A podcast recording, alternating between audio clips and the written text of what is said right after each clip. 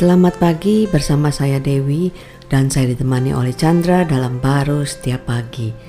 Kita semua pasti ingin dan uh, mau ya memiliki hari kita baik selalu dan selalu menikmati hari-hari yang baik. Nah, bagaimana caranya?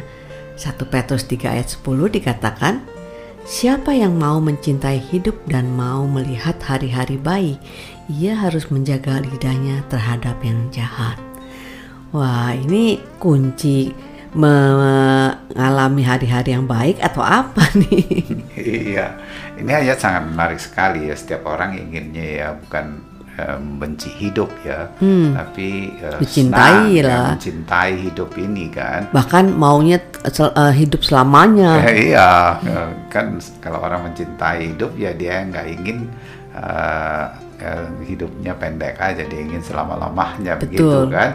Uh, dan dia ingin melihat hal-hal yang baik, ya hari-hari yang baik begitu kan, yang dialami dalam hidupnya Cuma kadang-kadang kan kita berpikir mana ada hidup seperti itu. Tuh, kadang baik, kadang enggak lah. Ya, kadang-kadang senang hidupnya, kadang-kadang segan.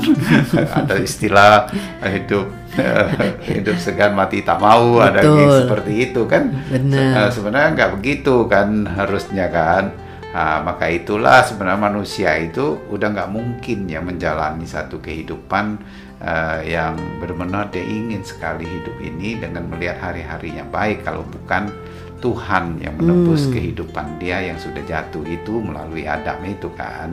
Tapi dengan Kristus dia yang mati sehingga yes. kita bisa memiliki kekuatan Amin. hidup baru Betul. dalam satu kekekalan itu. Hmm. Uh, sehingga perkataan kita itu dari keluar hati yang penuh dengan melihat kepada Kristus hidup di dalam hidup kita hmm. sehingga kita nggak terbawa ya kepada uh, situasi kondisi yang bisa aja tidak baik belum baik kurang baik gitu hmm. secara ukuran manusianya gitu kan yeah. Ya. uh, tapi ada kebaikan Tuhan yang sudah jadikan di kita ini semua mendatangkan yang baik. Hmm, jadi istilahnya dalam pemikiran kita itu selalu kita melihatnya uh, ada yang baik yang dari Tuhan, keadaan yang baik itu yang datangnya dari Tuhan.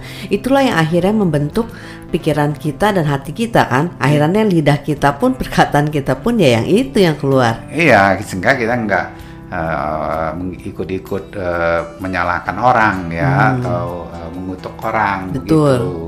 Ya, karena karena gini loh, apa yang sering kita dengar itu kadang itulah yang menjadi satu pemikiran kan, dan itulah yang akhirnya membuat hidup kita itu kayak oh nanti kalau saya seperti itu gimana ya gitu kan. Nah, akhirnya dia berpikir kita berpikir bahwa ya maklumlah hari-hari itu uh, kadang ada uh, juga yang ngomong uh, hidup ini kan seperti roda berputar, kadang di atas, kadang di bawah, ya enggak.